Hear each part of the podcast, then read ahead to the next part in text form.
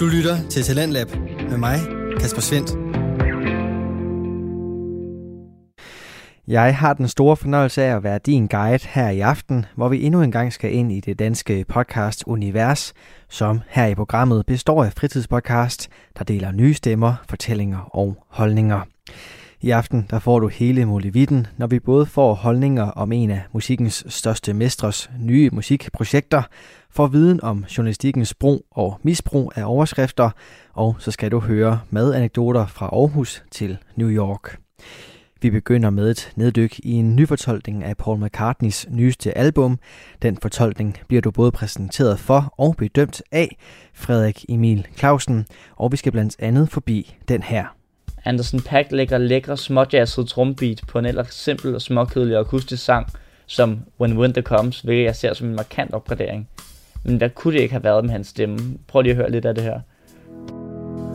When winter comes and food is scarce efter musikken har fyldt øregangene, så stiller en ny fritidspodcast skarpt på mediebranchen, når André, Markus og Karl undrer sig over, hvad delen rubrikker er til for i et afsnit af Alice i Medieland, som du får en smagsprøve på lige her. Med en rubrik øh, dække, vække og eller ikke.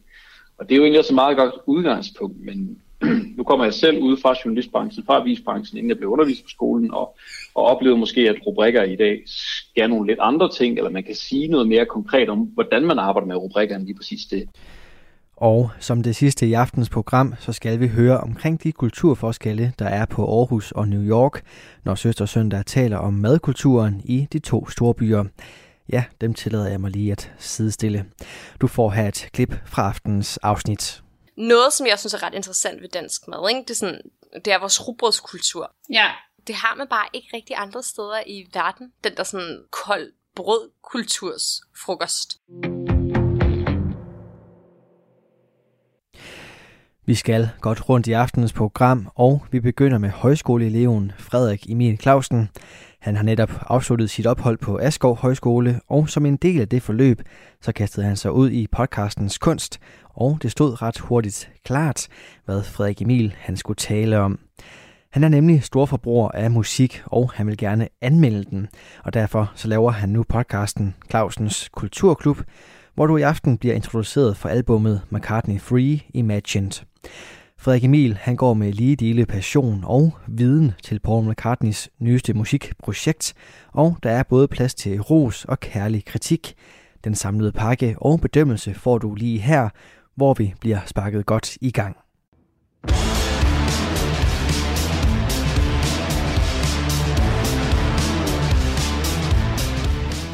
Og her lagde vi ud med et klip fra den tunge guitar-intro til Slide In med Sir Paul McCartney, mine damer og herrer. Den gavede gamle Beatles-bassist, sangskriver og forsanger spiller flere albums ud end de fleste, på trods af at han fylder 79 her i 2021. Og hvis nogen har hørt hans øh, 2020-album med det kreative navn McCartney 3, vil du måske kunne høre, at den her slide den lyder en smule hurtigere og noget anderledes fra den på det album. Og det har du en helt ret i, for det er nemlig en helt nyudgivet version, hvor guitaristen Ed O'Brien fra selveste Radiohead er indenover. Og mere som det er, hvad den her podcast skal handle om. Og oven på den intro vil jeg byde velkommen til Clausens Kulturklub, hvor jeg i dag vil snakke om, analysere og kaste stjerner efter McCartney 3 Imagined. Clausens Kulturklub. Og McCartney 3 Imagine byder på 11 gæster fordelt på 11 sange, hvor de med hver deres vidt forskellige baggrund, genre og erfaring remixer, nyfortolker og giver lidt af dem selv til McCartneys kreationer. Og det med collaborations har før været meget succesfuldt med McCartney, da 4-5 Seconds fra 2015 som byder på et uh, samarbejde med Kanye West og Rihanna, og det er faktisk den mest streamede sang med mindst et Beatles-medlem indover. Altså, det havde jo nok set anderledes ud, hvis der havde været Spotify i Beatles storhedstid, men uh, det er stadig en meget slående statistik. Og ja, jeg må jo indrømme, at jeg blev enormt hyped, da jeg så gæstelisten til McCartney 3 Imagined, og som mistænker lidt for at være et ordspil på McCartney Reimagined. 11 kunstnere, der alle sammen på den ene eller den anden måde er inde over min egen personlige og højt elskede playlists. Det kan ikke gå galt. Men højt at flyve, dybt at falde. For med det uendelige potentiale, der ligger i kombinationen af en af musikhistoriens største legender med nogle af de mest spændende stjerneskud på upcoming himlen, og nogle af de mere veletablerede alternative musikanter, kunne det have været årets album. Og ah, det blev det altså bare ikke. Og det er lidt en blandet landhandel af sange, der sammenlignet med den originale McCartney 3 både byder på forbedrede sange, sange der har gjort noget mindre interessant, og sange der simpelthen har ændret sig lidt, at man kan undre sig over, at det overhovedet var nødvendigt at kalde et remix. Og det vender jeg tilbage til om lidt. For øh, før vi springer på hovedet ned i den mere song-by-song analytiske del, skal vi lige have et overblik over, hvilke featurings det er, jeg sådan går og roser her. Med på første track, Find My Way, har vi Beck, som er en rutineret herre på den alternative musikscene, og der siden 1994 regelmæssigt har leveret nye udgivelser. På The Kiss of Venus har vi øh, Dominic Fike, som er en poppet alternativ hiphop-kunstner med inspirationer fra mange genrer, og en af dem, der er på albumet, der er nået ud til et mere mainstream publikum. Og ja, det er også klart, den single fra albumet, der klarer sig bedst på Spotify. På Pretty Boys har vi Kong Ben, som jeg har læst mig frem til, at skal udtales. En uh, texansk trio, der byder på psykedelisk rock med inspirationer fra alt fra Mellemøsten og Spanien til gammel thailandsk musik. Og på Women and Wives har vi St. Vincent, som er en øh, sangerinde og guitarist, som er en powerwoman i den ofte mandsdominerede indie-rock-verden. På Deep Down har vi Blood Orange, som er det navn, som Dev Hines udgiver musik i. En øh, genrebøjende sanger med en flot stemme i mine ører. På Sixth Day har McCartney inviteret Phoebe Bridgers med, som er en upcoming singer-songwriter indie-kunstner og guitarist med det velrenommerede debutalbum Punisher, der udkom sidste år. Og så var der selvfølgelig den før nemlig Slide In med Ed O'Brien fra Radiohead, udgivet under kunstnavnet E.O.B. På Longtail Winterbird er der Damon Albarn, det er manden med de mange projekter, mest alt kendt fra Gorillaz og Blø, hvor han er forsanger og udkraft der, men også ting som The Good, The Bad and The Queen, Rocket Juice and The Moon og Africa Express, og ja, og enkelte soloudgivelser i eget navn også. Med på Laboratory Lil, der er Josh Homme, som mest er kendt fra rockbandsene Queens of the Stone Age og Them Crooked Vultures, hvor han er forsanger. Og så har Anderson Pax ned sig med på When Winter Comes, så han er den talentfulde sanger, rapper og trommeslager, der kombinerer hip-hop, funk, R&B og soul med til tider jazzede vibes. Og allersidst på albumet er der den øh, lange, lange sang Deep Deep Feeling med 3D RDN, som dækker over øh, Robert Del Naya fra trip-hop-bandet Massive Attack. Og ifølge visse teorier er et bud på den øh, famøse anonyme gadekunstner Banks' sand identitet. Men det er jo som nævnt kun teorier. Og her kommer så et klip fra Find My Way featuring Beck.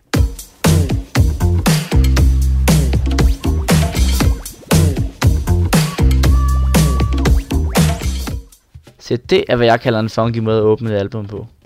Og jeg vil selvfølgelig vurdere det her Reimagine albums kvalitet for sig selv, men min klare vinkel er også at gå komparativt til værks med McCartneys originale 3-album til sammenligning. Og den her intro er et godt eksempel på de klart positive opgraderinger albumet trods alt også byder på. Find My Way remixet her går faktisk ind og samler øh, elementer af introen fra 1980 funknummeret Got To Be Enough med Confunction, med bassen meget mere markant, er det en lækker åbning på albumet, der bare giver mig lyst til at smide alt, hvad jeg har i hænderne og danse frem og tilbage på højskoleværelset. En følelse, jeg ikke får af originalen, som trods alt også er en helt fin sang. Fed start, tænker jeg var ved første gennemligt, og øh, den kører så direkte videre over i The Kiss of Venus, som der lige kommer lidt af her. Morning glow, then I asked to have you read the paper, okay, people talking, Ja, den giver mig i hvert fald på ingen måde lyst til at sætte mig ned igen, når Dominic Fikes kække fløjsbløde stemme byder ind med sin øh, egen lyrik til versen, og ligesom skifter fokus fra astronomisk billedsprog til, hvordan nyhederne skaber splittelse i befolkningen. Hvilket er også meget interessant, at der nemlig ikke kun er ændret på, på stemmen og på instrumental, men faktisk også på teksten i den her. Og til det har Fike faktisk udtalt, at det er fordi han ikke prøver at overgå originalen, så derfor lader han sin egen. Og netop de her stærke stemmer er noget, der gør rigtig meget godt for det her album. For om man vil erkende det eller ej, så bliver vi alle sammen gamle en dag. Og det gælder også for den ellers udødelige Sir Paul McCartney, og det kan man altså godt høre. Registeret spænder simpelthen ikke så bredt længere, og det lyder ikke på nogen måde dårligt. Det tekniske niveau vil nok bare ikke få ham så langt i X-Factor den dag i dag. Og det leder mig lidt over til et af mine allerstørste problemer ved det her album.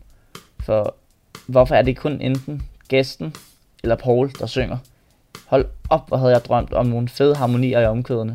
Måske et værste hver, så man i det mindste kunne lukke øjnene og forestille sig, at de to kunstnere stod på orange scene på Roskilde Festival sammen.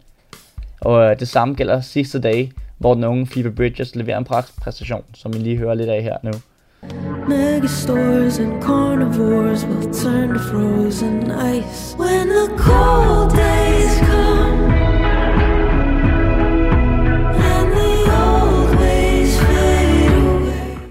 Ej, men det lyder jo så smukt. Men det er jo bare covernummer for Zuland der. Altså selvfølgelig er det mere kompliceret med reelt samarbejde grundet covid-19, men det vidner om så meget ufuldendt potentiale. Altså, i mine øjne kunne det være en Hits for Kids compilation med helt forskellige kunstnere, der synger helt forskellige sange. Jeg mangler ligesom en rød tråd, der er McCartney hele vejen igennem det her album. Men altså, omvendt går det også den anden vej. For i flere gange hører vi kun McCartneys stemme, hvor samarbejdspartnere med så enorm fordel kunne synge med. Anderson Pack lægger lækre småjazzede trombeat på en ellers simpel og småkedelig akustisk sang, som When Winter Comes, hvilket jeg ser som en markant opgradering. Men hvad kunne det ikke have været med hans stemme? Prøv lige at høre lidt af det her.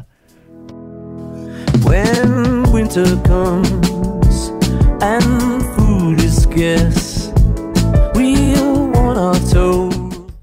Jamen Anderson Pack får virkelig sparket noget liv i den her sang.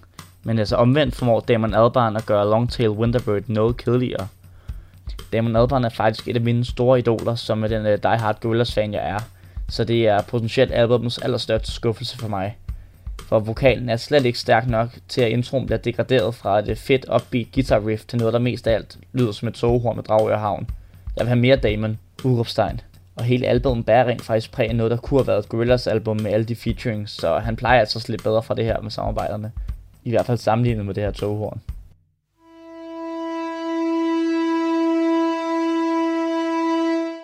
Men altså, i det mindste er det blevet en markant anderledes sang i forhold til originalen, hvilket jeg også ser som en af idéerne ved sådan her album.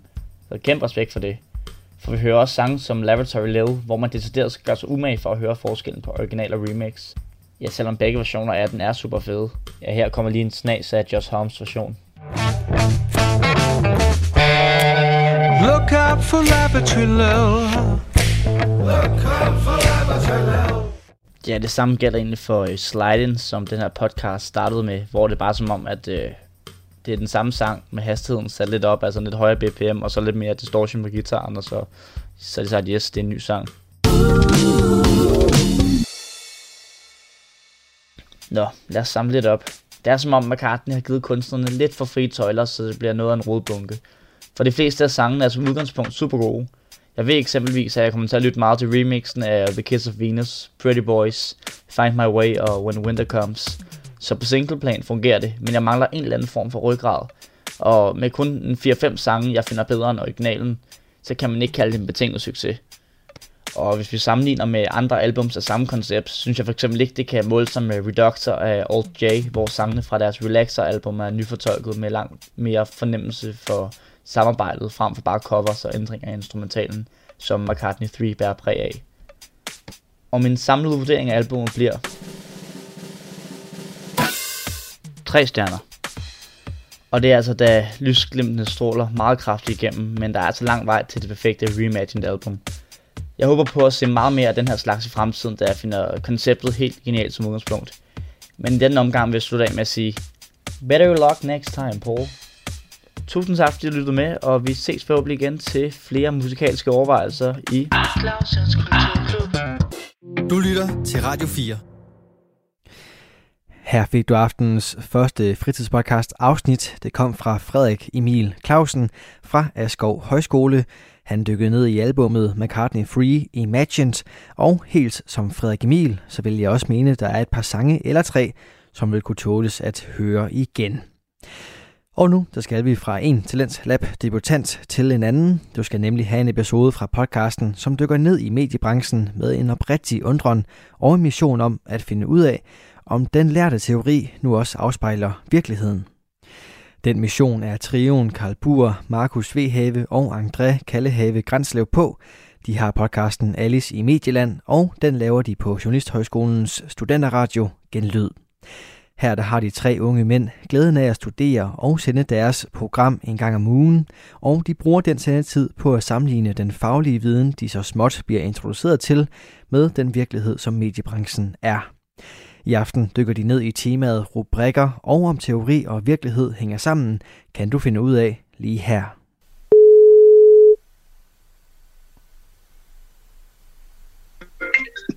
Ja, det kan rumme. Hej Knud, kan vi ikke lige øh, få dig til at skubbe os ned i kaninhullet? Jamen selvfølgelig, det er jo der, I hører til. Så øh, velkommen til Alice i Medieland med André Kallehave Grinsløv, Karl Bur og Markus Vehage.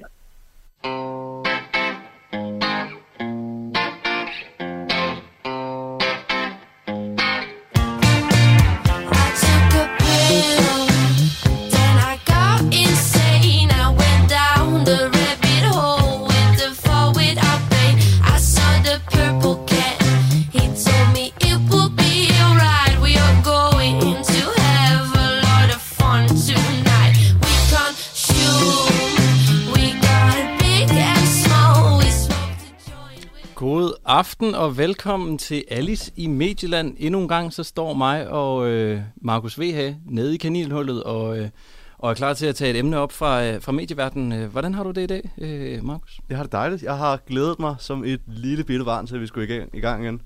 Det bliver også storartet, fordi vi har, vi har nemlig forberedt os øh, godt den her gang, og vi har fået legnet, øh, ikke at vi ikke gjorde det sidste gang, men nu har vi altså fået legnet en perlerække af gæster op i dag, som øh, alle sammen skal snakke om et øh, emne, der jo faktisk ligger os øh, tæt på Journalisthøjskolen.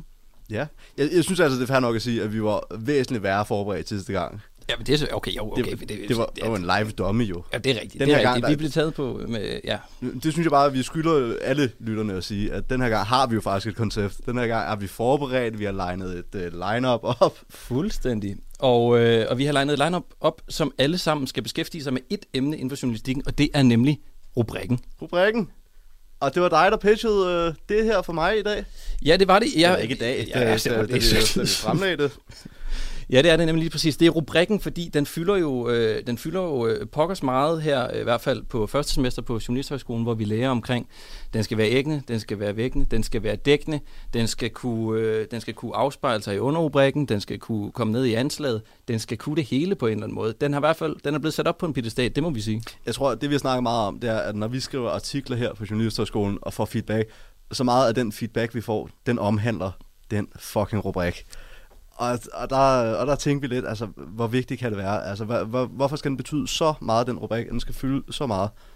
Og, øhm, og det, jeg tror faktisk, det er dig, der har flest følelser i klemme om den rubrik. Jamen, jeg har, det lidt, jeg har i hvert fald nogle spørgsmål i klemme omkring rubrikken, hvordan den står, øh, den står til i en, øh, i en moderne øh, medievirkelighed, fordi jeg kan jo godt øh, i hvert fald undre mig omkring måden, den ligesom er sat op på. Altså er man som mediebruger ikke allerede bevidst omkring det indhold, man gerne vil have noget mere, øh, have noget mere af, og er rubrikken så på en eller anden måde ikke underordnet, eller måske har man et forhold til en skribent, eller ja, et emne, så øh, kan det på en eller anden måde være, at rubrikken kommer i anden række. Jamen, jeg, jeg tror, jeg er tilbøjelig til at være enig med dig. Det, øh, jeg vil også...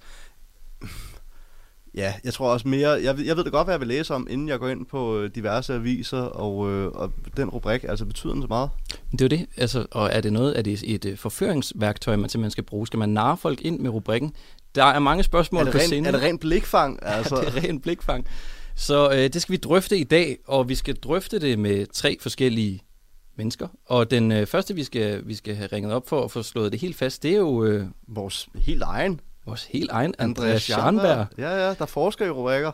Lige præcis. Vi har fået, øh, fået lov til lige i hvert fald en øh, 10 minutters tid at, at gribe ham ud af den barsel, han er i gang med lige nu. Det er jo sindssygt privilegeret, at vi bare kan ringe ham op. Altså trække ham ud af børnesengen, og han så vil drøste lidt kærlighed, lidt forsker, ny forskerviden ud på vores program. Det må man sige. Sprit ny forskerviden. Det kunne ikke være mere aktuelt. Nej, det kunne det nemlig ikke. Så øh, skal vi ikke prøve at se, om vi kan ringe øh, Andreas Schamberg op, og så høre omkring øh, om rubrikken? Jo, lad os gøre det.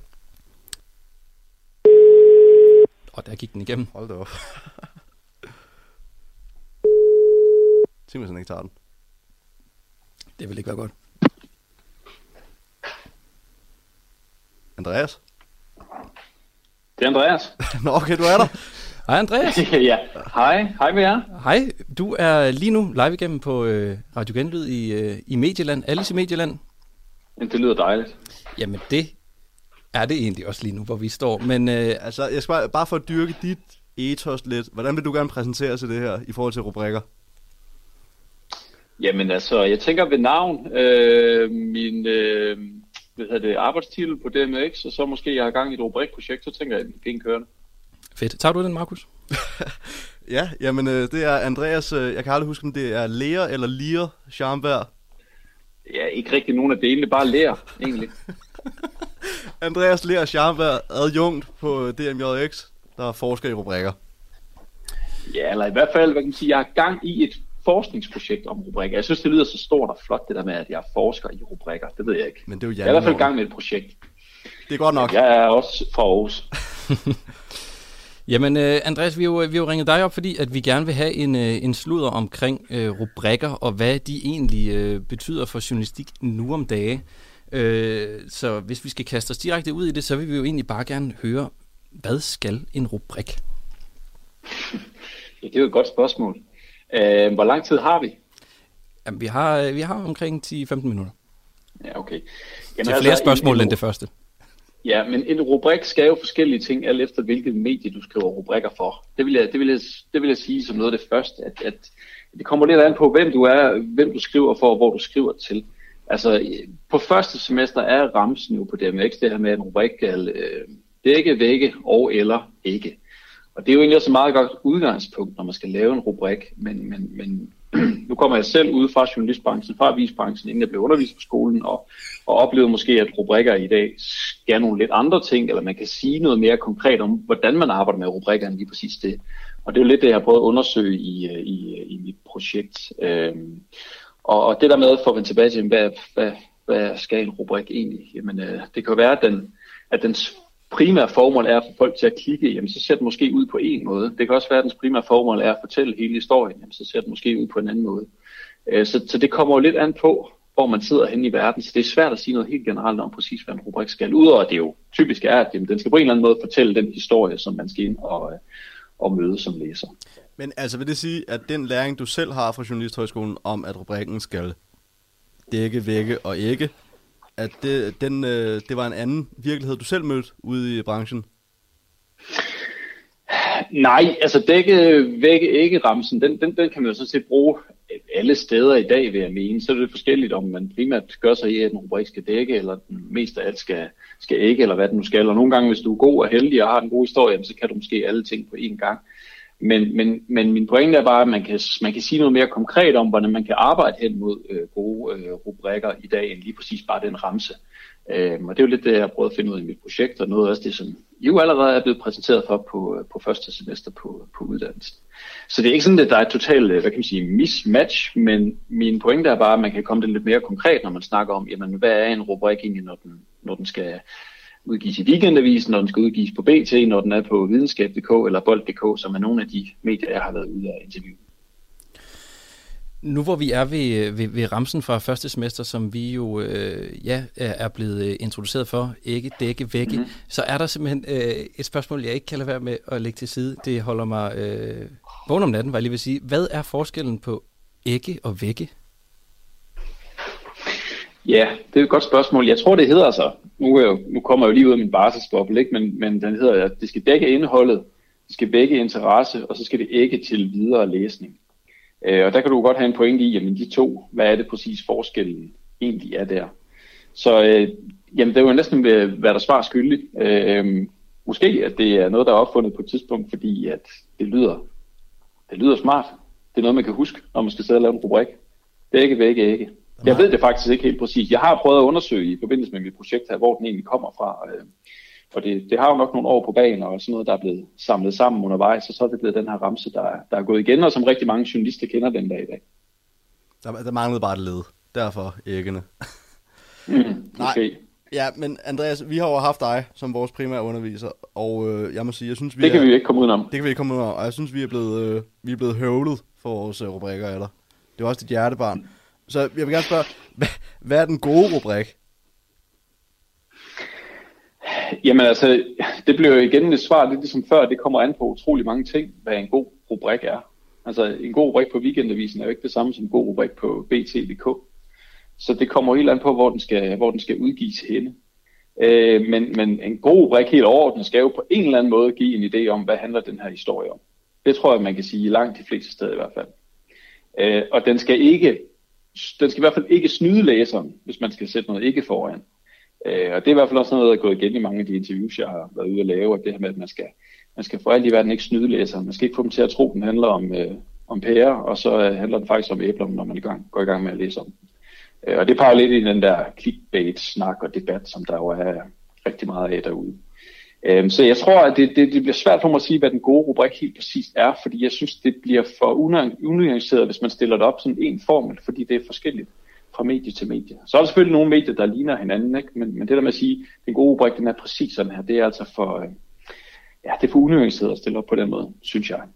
Det, det bliver jo lidt et politikersvar. Hvad er, så, hvad er så den gode rubrik på Journalisthøjskolen til journaliststuderende?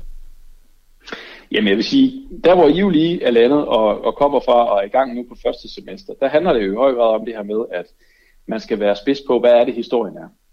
Øh, så, så det kan man sige, i første omgang, så handler det om, at man skal blive god til at lave en rubrik, der dækker det indhold, som historien øh, nogle gange beskæftiger sig med. Og det øh, hænger jo sammen med den øh, berømte vinkelsætning, som øh, nu hørte jeg jo i jeres første program her, inden jeg skulle være med i dag, som I jo også var lidt efter i, øh, i første udsendelse. Øhm, så der er nogle ting, der skal spille sammen der, man har styr på, hvad historien er, det hænger jo sammen med ens vinkelsætning, og det hænger så i sidste sammen med, at man får lavet en rubrik, der på en eller anden måde øh, dækker indholdet. Øhm, og så kan man derfra måske begynde at arbejde mere bevidst med, hvordan man så prøver at tilbageholde noget information, og, ikke øh, i højere grad. Det vil jeg sådan umiddelbart sige, at, at i hvert fald på starten af uddannelsen er det vigtigste, man skal have styr på rubrikmæssigt.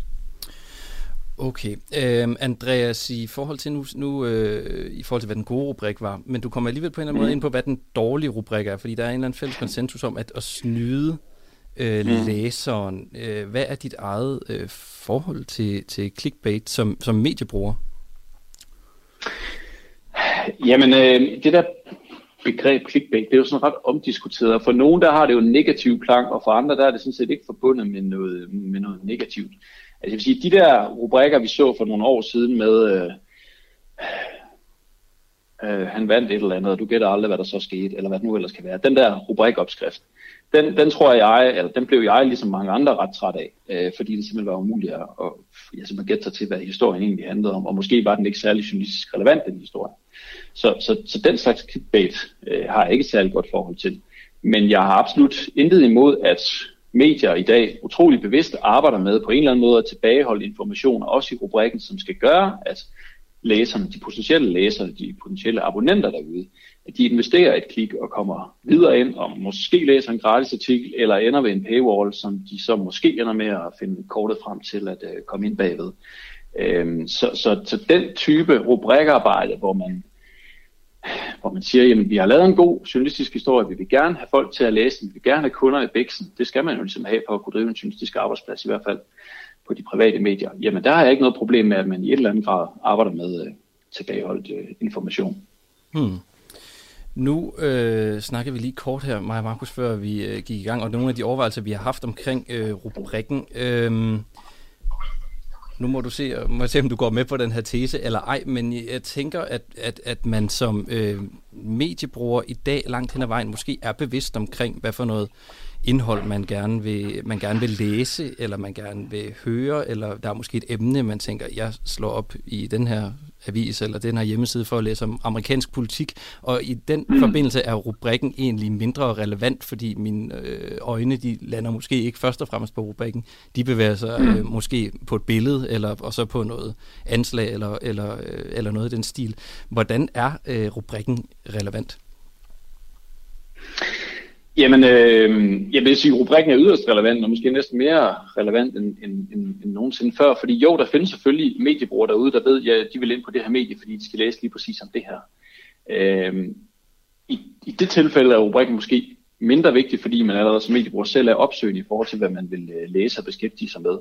Men det, som mange medier også gerne vil have, når man har kunder i butikken, det er, at de kunder de bruger mere af det, de har på hylderne. Så det vil jo sige, når man har inde og læst den artikel, man selv har opsøgt, jamen så skal man som medie jo gerne have andet på hylderne. Andre gode rubrikker, der giver dig lyst til at læse om noget, du måske ikke vidste, du gerne vil læse om, inden du kom ind på det her medie. Øh, og så på den måde er rubrikken jo enormt vigtig. Øh, og man kan sige, i den her digitale udvikling, som efterhånden har stået på i lang tid, jamen papiravisen er jo ikke, hvad den har været. Øh, langt, langt flere er jo på nettet i dag og bruger journalistikken derinde. Og der er jo bare en enorm kamp om vores opmærksomhed. Ikke bare, hvad kan man sige, medier imellem, men altså alt, hvad vi bliver bombarderet med i dag på telefonen, hvor vi ellers bevæger os hen digitalt. Øhm, den konkurrence, der er derinde, også på sociale medier, det gør at vi skal være endnu skarpere på, hvordan det er, vi får solgt vores journalistik med nogle, øh, med nogle gode rubrikker. Så jeg vil sige, at rubrikken er yderst relevant øh, i dag, og måske også vigtigere end, end før, hvor mange havde et avisabonnement, hvor avisen lå der, man slog op, og man læste, og der fik man sin information. I dag er vi måske lidt mindre lojale som, øh, som kunder i, i journalistbutikkerne, og derfor er rubrikken super vigtig. Det synes jeg er et, øh, et godt sted at, øh, at slutte den på. Rubrikken er stadigvæk yderst relevant. Andreas, i forhold til... Øh, nu skal vi ikke lægge lov på, eller nu kan vi lige give noget, måske noget, øh, noget backstory i forhold til, da vi startede på Journalisthøjskolen. Der lavede du en playliste til os på, øh, på mm. vores hold, øh, som hedder Hitlisten med hold 3, hvor at man kunne smide nogle sange ind. Hvis man lige øh, kører den playliste igennem, så, øh, og man ser på de sange, du har tilføjet, så er det jo på en eller anden måde, hvad der svarer til at smide en håndgranat ind i en pladebutik, fordi man står med noget Allan Olsen, og man står med noget Altin Gyn, og man står simpelthen også med noget Sam Cooke. Så, øh, og vi har jo også bedt om at sætte et, øh, et nummer på, som vi ikke ved, hvad er lige nu, som vi øh, Ja. simpelthen gerne vil høre. Hvis du vil starte med at sige nummeret, så kan, så kan Filurkatten, a.k.a. Karl, i teknikken, lige øh, finde den frem, imens du forklarer, hvorfor. Jamen, øh, jeg, jeg, har, jeg har virkelig grublet meget over, hvad vi skulle, hvad vi skulle, øh, hvad vi skulle høre i dag. Øh, og øh, det er endte med et dansksproget nummer, øh, og du nævnte ham egentlig også før. Vi skal høre et nummer med Allan Olsen, som hedder Frossen Fuldmåne. Og øh, det er ikke helt så rocket, som det I plejer at spille i jeres udsendelser. Øh, det skal være fra den plade, der hedder Jern. Mhm. Øh, kan I godt lige sige videre til, øh, til Karl derude. Det er den bedste Jamen, han lytter med. Jeg kan se, at han grubler. Okay. Øhm, Frossen fuldmåne. Øh, om hvorfor skal vi så høre det? Jamen, øhm, det skal vi egentlig øh, ikke, ikke så meget, fordi vi taler om rubrikker her nu, men det var egentlig, fordi jeg hørte deres første udsendelse i, øh, i går, og den handlede om, om jeg-fortælleren i journalistik. Og øh, ja, de brokker jo lidt over, at jeg får at vide, at det må I ikke rigtig bruge på journalisterskolen. Det er jo måske en journalistisk stramning at sige, at I ikke må det. Øh, I har i hvert fald fået at vide her til start, der skal I holde jer fra det. Øh, og hvis man, ikke er, hvis man ikke er relevant i en historie, skal man også holde sig fra det. Men der er en, en lille jeg-fortæller i Allan Olsens Frossens Fuldmåne, og det er det generelt i mange af hans historier, så derfor synes jeg, I skulle nyde et stille og roligt Allan Olsen nummer, hvor der optræder et, øh, et jeg. Det lyder godt. Mange tak, fordi du vil Tusind være tak. med, Andreas. Det var en fornøjelse. Jeg synes næsten, det gik for hurtigt det her. Vi kunne godt snakke videre, kunne vi ikke det? Jo, det, det kunne vi så. vi har også andre, der skal igennem. Det er også i orden. Det er super. Mange tak for det, og god aften, Andreas. I lige måde. Og god barsel. Jo, tak skal I have. God Hej. arbejdsløst. Tak. Hej. Du lytter til Talentlab med mig, Kasper Svendt. Vi er i gang med aftenens andet podcast afsnit her i Talents Lab, programmet på Radio 4, som giver dig mulighed for at høre nogle af Danmarks bedste fritidspodcast. En af dem er Alice i Medieland, hvor Karl Bur, Markus V. Have og André Kallehave Grænslev forsøger at finde ud af, om teorien på Journalisthøjskolen hænger sammen med medievirkeligheden. I aften står den på rubrikker eller overskrifter, og den undersøgelse vender vi tilbage til her, hvor den dog først står på sang fra Allan Olsen, som bruger en jeg-fortæller. Sangen hedder Frossen Fuldmåne, og den får du her. Frossen fuldmåne over Fjordby Budolfi kloster ringer mildt B-klokken flække i frosten Så himlens mælk er spildt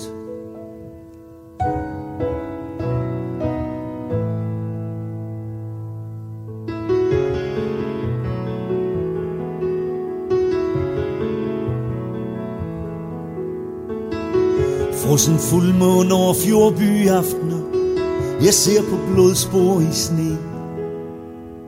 En drøb per meter eller næsten. En brækket næs måske. De melder frysende våde vejbaner i net Man må forsigtigt frem. Lær lidt af livet og frøs sig. Og gå forsigtigt hjem. Kraven op og op over broen. Minder om Moldau og Prag Hvor vi miste hinanden i krukeskænderier Forskel på konveks og konkav Spiller liv som parkometer penge en søndag. Ballet for gummige og knu Her går den ene under frossen fuldmåne Blodsporen er her endnu. Her går den ene under frossen fuldmåne Blodsporen er her endnu.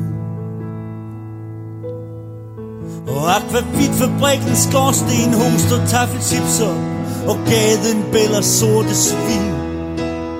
Og duren skiftes til gelændervagt. Bøjer verber på gebrokken latin. Og absolute turn up the crap volume 5 Lukker Baywatch Emily frem springer ud under frossen fuldmåne i aften. Teenage mor i morgen. Teenage mor i morgen. Frossen fuldmåne over fjordby aften. Jeg ser på blodspor i sne. Et drøb per meter eller næsten. Nogen har klappet nogen ned. Ikke at jeg vil blande mig. Ikke at jeg vil hjælpe ham. Jeg har min egen kage. Blodspor i sneen fører altid vækker Og jeg er på vej tilbage. Blodspor i sneen fører altid vækker Jeg er på vej tilbage. Jeg er på vej tilbage. Jeg er på vej tilbage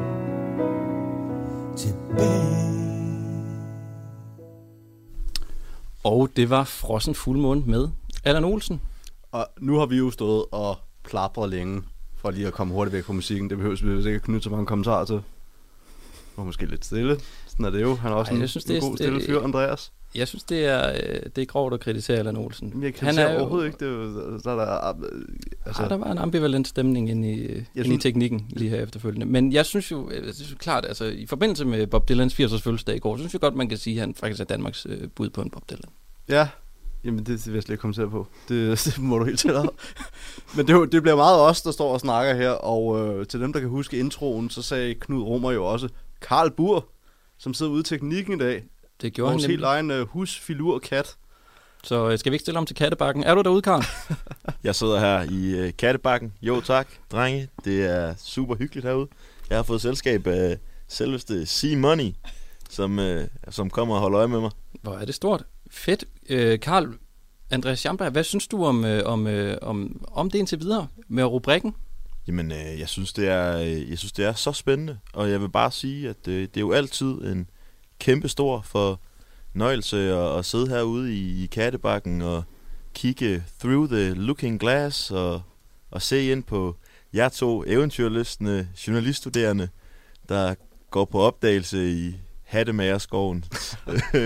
så jeg synes, jeg synes, jamen, jeg skulle lige have nogle uh, Alice i Eventyrland uh, Man kan nærmest se larven ryge vandpige for sig lige nu. Det, det, det havde jeg faktisk uh, lovet jer, så uh, den kom der. Um, ja, jeg synes, det er, det er så dejligt, og jeg glæder mig til at dykke øh, endnu dybere ned i kaninhullet og høre, hvad I, øh, hvad I har på programmet som det næste. Ja, fordi det skal vi jo. Altså nu fik øh, Andreas jo nævnt, altså rubrikken er, er mere relevant end nogensinde, og at øh, den jo kan variere alt afhængig af, hvilket øh, medie man bruger den på. Han nævnte faktisk i flæng øh, BT, han nævnte Weekendavisen, og det er jo på en eller anden måde øh, meget smukt, at han gjorde det, fordi vores øh, næste gæst, vi skal have her igennem, det er jo øh, litteraturredaktøren på selve Weekendavisen. Det kunne ikke være smukkere.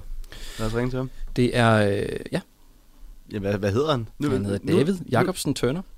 Nu, nu smed du mig under bussen før. Så kan du, så kan du fandme få lov til at introducere ham. Lad os prøve at ringe ham op. Det er David. Hej David, du snakker med André og Markus inden fra øh, Radio Genlyd. Hej David. Hej med jer. God aften. Ja, God aften. Vi er jo, øh, ja vi har jo snakket med dig førhen, at vi vil ringe dig op og snakke omkring, øh, omkring rubrikken. Ja, med fornøjelse. Ja, jeg ved ikke, om du lyttede med før, men Andreas, vi havde med før, vores øh, rubrikforsker på DMJX, han nævnte jo selv weekendavisen om, at I har også en speciel måde, at rubrikker skal arbejde på. Det er noget, der adskiller sig fra for eksempel BT og Ekstrabladet. Det blev lidt øh, Ej, spændende. nævnt hen- henkastet. Og vi vil meget gerne Det kunne have... faktisk være sjovt at høre en, øh, at høre sådan en, en forskers øh, dissektion af, hvordan vi arbejder, fordi det er jo meget intuitivt. Så jeg kunne faktisk godt være interesseret i at, at høre sådan en, øh, en akademisk udlægning af, hvad, hvad det er, vi gør med, med rubrikker hos os. Ja, det, det ja. må jeg lige høre bagefter. Jamen, jeg, jeg oversolgte det måske, så meget gik han heller ikke ned i det. Han nævnte lige weekendavisen kontra BT. Okay. Men, uh, men der skulle gerne... gerne være forskel på de to, uden, uden, uden et dårligt ord om BT, så er det jo selvfølgelig en helt anden, en anden sproglig tone, vi, vi arbejder i, øh, alt efter om det er en tabloid eller en, øh, en, en ugeavis som vores.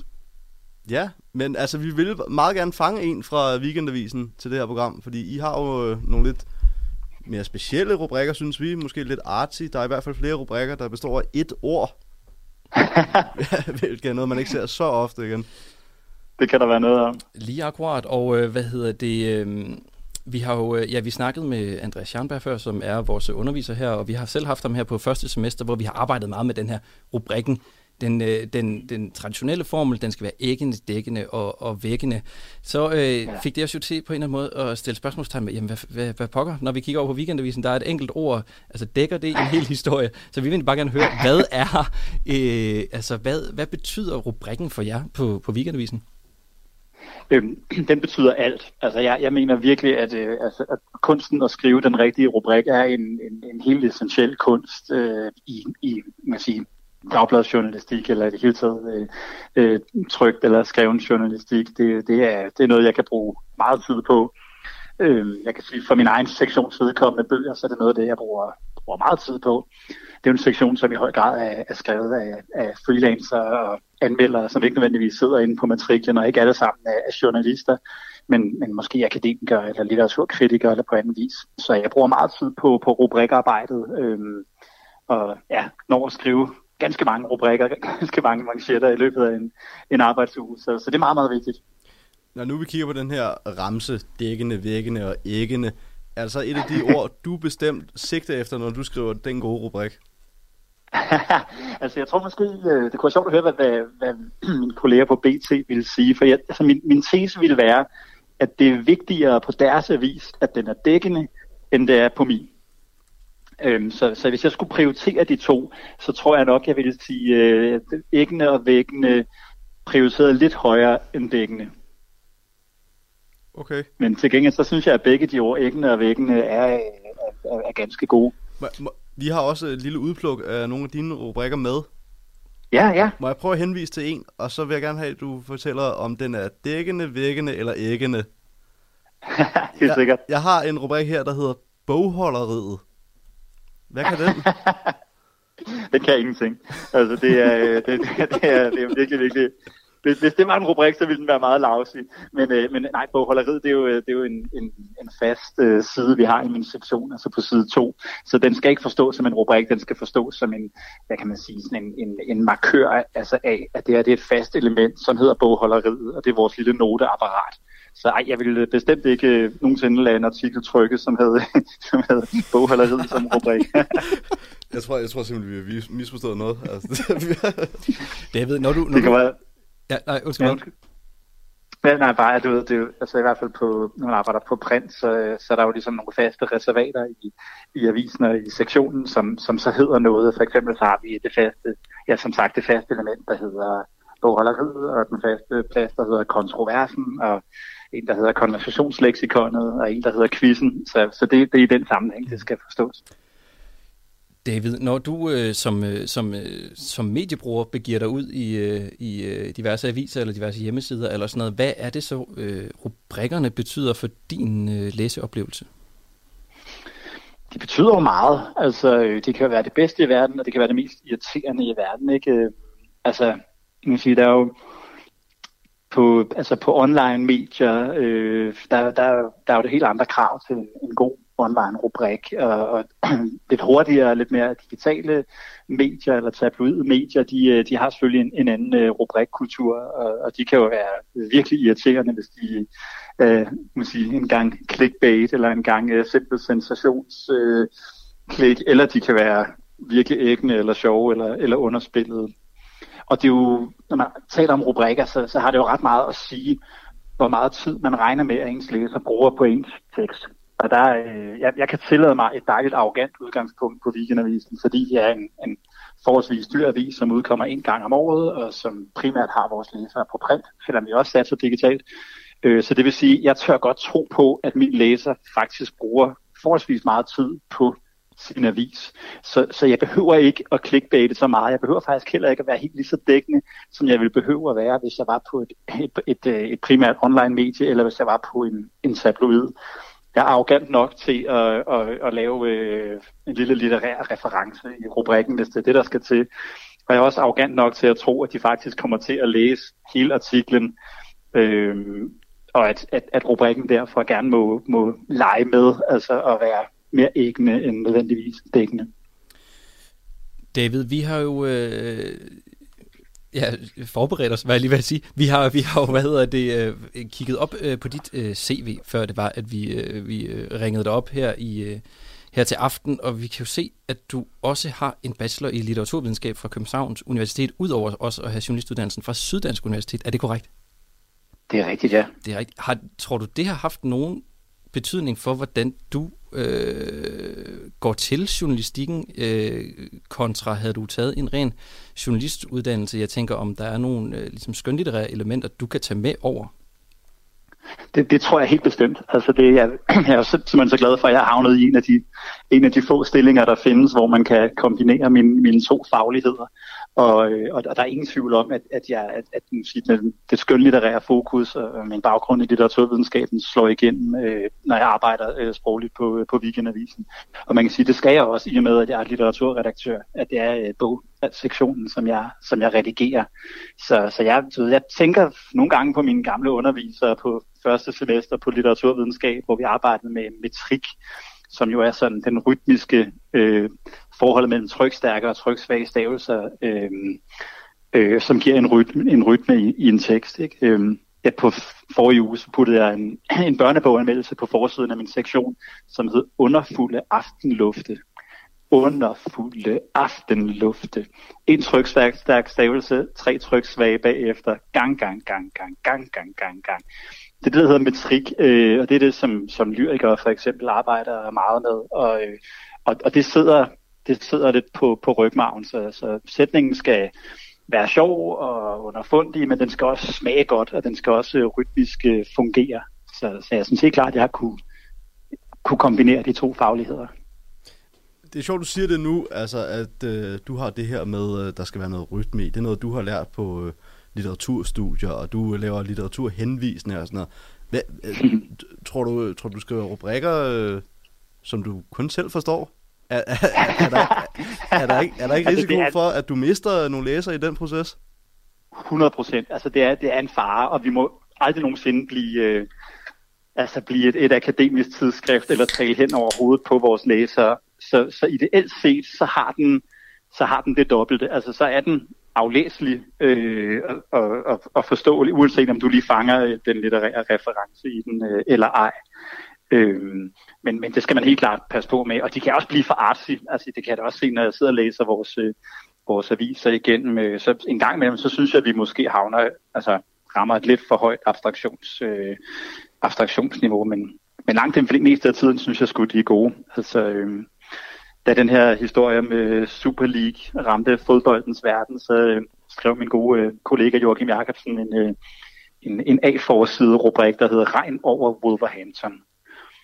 Og man kan sige, hvis ikke man ved, hvad den handler om, så øh, den- er umiddelbart billedskabende. Altså man ser et eller andet engelsk landskab for sig, og man ser regn, der, der drøber ned. Men, men den handler jo ikke eksplicit om fodbold.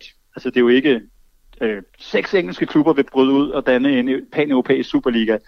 Den, den, den, er ikke så, den, er virkelig ikke dækkende, kan man sige. Men det kan vi tillade os, fordi vi kommer fra bagkant, at den her artikel bliver trykt på et tidspunkt, hvor uh, i hvert fald de sportsinteresserede læsere, de allerede ved, hvad der er, i hvert fald er de basale fakta om den historie. Og så kan Joachim tage os med øh, tilbage til en bestemt fodboldkamp i England, hvor regnen stod ned over Wolverhampton og så videre. Ikke? Så, så den synes jeg er, er, er forhåbentlig æggende, også for en, en, øh, en, en ikke kant mag eller en, øh, en, en ikke fodboldfan. Men det er vel også, fordi I i høj grad lever af abonnement frem for løssalg. Så, Ja, givetvis. Altså jeg håber og tror også, at, at den vil kunne sælge nogle aviser nede i kiosken, den her. Altså, øh, det, jeg, jeg har ikke tallene, der beviser det, men, men det er også virkelig vigtigt for mig, at, at vi ikke er en indforstået klub, men, men er en hver øh, mediebruger eller almindeligt interesseret person vil kunne gå ned i kiosken og, og, og købe en weekendavisen og, og have stor øh, glæde af den. Blandt andet også med, på grund af rubrikkerne, forhåbentlig. Men det er helt klart en kunst. De må, de må ikke blive for, for indforstået. Jeg synes alligevel, det er lidt interessant, det du siger, David, med, at, at, øh, at hvis man ikke, øh, eller hvis man kommer lidt øh, på bagkant med en mere dybdegående historie, at det så tillader på en eller anden måde, at man leger mere med rubrikken, som jeg hørte dig fortælle det, altså med, at de sportsfansene nok allerede havde øh, fået den her nyhed, hvor efter at man så på en eller anden måde, øh, på grund af tiden, kan, kan lege lidt mere med, med udtrykket. Det, det mener jeg helt klart, ja. Altså, fordi det er, det igen, altså, der er så mange funktioner af, af en rubrik. Ikke? Altså, hvis det er en nyhedshistorie, hvis jeg skal vide, at der nu er brudt en, øh, en, en, en, øh, en borgerkrig op øh, i Israel, så vil jeg jo ikke have en eller anden indforstået øh, litterær reference, som man skal være, være mellemøsthistoriker for at forstå. Altså det vil jo være pisse irriterende som, som mediebruger. Så, så den, skal jo, den skal jo være kodet nyhedsagtigt. Der skal jeg vide, hvad for noget, hvad der skete, hvor det skete, hvor mange er døde, øh, hvad nu? Altså, så, så jeg har stor respekt for, for den veldrejede nyhedsrubrik. Det, det er også en, en kæmpe kunst at lave den. Og det er en stor kunst at lave den rigtige øh, øh, online-rubrik, som jo er noget helt andet end den rigtige print-rubrik. Det er en stor kunst at lave øh, den, den hurtigt aflæselige, øh, men ikke clickbaitede rubrik. Så, så det er vildt vigtigt. Ikke? Men lige så irriterende det vil være med en litterær rubrik om en nyhed, lige så irriterende vil det være at få en forsinket nyhedsrubrik, ikke? fordi du kan jo ikke om fredagen altså, sige til vores læsere, oh, der er nogle klubber, der har ville bryde ud og danne en Super League, fordi prøv at det skete måske, nu kan jeg ikke engang huske, om det var en tirsdag eller en onsdag, mm. så, så, så, så den rubrik, selvfølgelig skal vi dække den sag, det var ugens vigtigste historie, selvfølgelig skal den på A-forsiden, men, men vi er nødt til at, at kode den rubrik rigtigt og give den en tone, som gør, at vi ikke sælger historien som en nyhedshistorie, for det er ikke en nyhedshistorie, det er en perspektivhistorie. Så, så der er mange, mange slags gode rubrikker. Altså der kan være, der er den der klassiker fra Ekstrabladet, den der spiseseddel med bøsse stjal prinsessen skedecreme, eller hvad det var, som jo er altså, retteligt kanoniseret, fordi den både er royal og seksuel og kriminel på en gang, og det er altså respekt til ham, der drejede den. Ikke? Det, det skal jeg ikke skrive i min avis, men, men det var godt tabloidarbejde. Jeg synes også nogle af de gamle oversættere, som oversatte engelsksproget film til dansk, de kunne også lave noget genialt, ikke? Altså, den er bankekød til hårde drenge, var der en actionfilm, der blev oversat til. Jeg kan ikke engang huske, hvad originaltitlen var, men det, det var det er så langt ude en oversættelse, så den faktisk blev virkelig, virkelig smuk. Så jeg synes, der er mange, mange slags gode rubrikker og overskrifter, ikke? Og dem, vi arbejder med, de, øhm, de, de er lidt mere litterære, mm. øh, end, end man vil have det på for eksempel BT. Øh, så, så, så det dækkende bliver måske prioriteret lidt ned, uden at vi må helt glemme, at det også skal dække. David, nu øh, hvis vi skal øh, slutte af på en note, der kigger ind i fremtiden, i hvert fald for, øh, hvis der skulle lytte nogle øh, journaliststuderende med, mm. så næste gang, når øh, man sidder og har skrevet måske sin historie, sin underrubrik, og man skal til at lave rubrikken, og jeg øh, hører fuldt ud, at der er selvfølgelig forskel på, hvilken genre man skriver i, men øh, mm. kunne du have et råd til nogle øh, desperate journaliststuderende, der sidder og, og i deres ansigtsfodsved og skal skrive den her rubrik. og, skal, og den skal være ikke dækkende og vækkende, og den skal det hele. Og der leder vi efter det korte ja. svar, for vi skal også nå at høre for se og høre, inden vi slukker i dag. Nå for sådan, ja. ja. Øhm, altså grundlæggende, skriv mere end en. Altså på, på Pitchfork og andre af de digitale medier, så mener jeg, at de som udgangspunkt skal, for, skal udstyre alle deres artikler med 10 rubrikker og 10 manchetter, og så ser man, hvorfor en, der klarer sig bedst. Øhm, det er nok ikke alle, der har tid til det i, i deres travle øh, danske medievirkelighed, men, men skriv et par stykker, øh, tune ind på den, smag på den, og så sørg for at læse. Altså jo flere gode bøger du læser, jo, jo, mere, øh, jo mere godt sprog du, du indoptager på anden vis, desto mere flyder de her fra, fra dig. Altså. Og så er det også mere at lege med forskellige toner. Altså prøv noget forskelligt. Nogle gange kan du gøre dem overkonkrete, jeg skrev engang et, et interview med en sydkoreansk forfatter, som fik rubrikken, jeg blev drukket midt over af Sydkoreas litterære samvittighed. og det var sådan mit forsøg på at lave en, en, øh, altså en, øh, ja, en, en pitchfork-agtig, øh, eller vejsagtig øh, i øh, rubrik. Ikke? Og andre gange, så kan du lave dem poetiske og underspillet, som øh, underfulde aftenlufte, eller byens bindevæv, som min nyeste artikel hedder. Øh, så der er flere måder at lave en god rubrik, og man skal bare skrive flest muligt, fordi så bliver det lettere. Det er modtaget, David. Det, øh, så må vi se, om det, øh, om det kan være et råd, der kan, der kan spire ind i nogle øh, journaliststuderende, så man kan få, øh, få rubrikken til at hænge fast. Radio 4 taler med Danmark. Og du får resten af aftenens afsnit fra Alice i Medieland, samt en episode af Søstersøndag, hvor temaet er madkultur på tværs af Aarhus og New York. Det får du alt sammen efter dagens sidste nyheder, som kommer her fra verdens bedste nyhedsoplæser.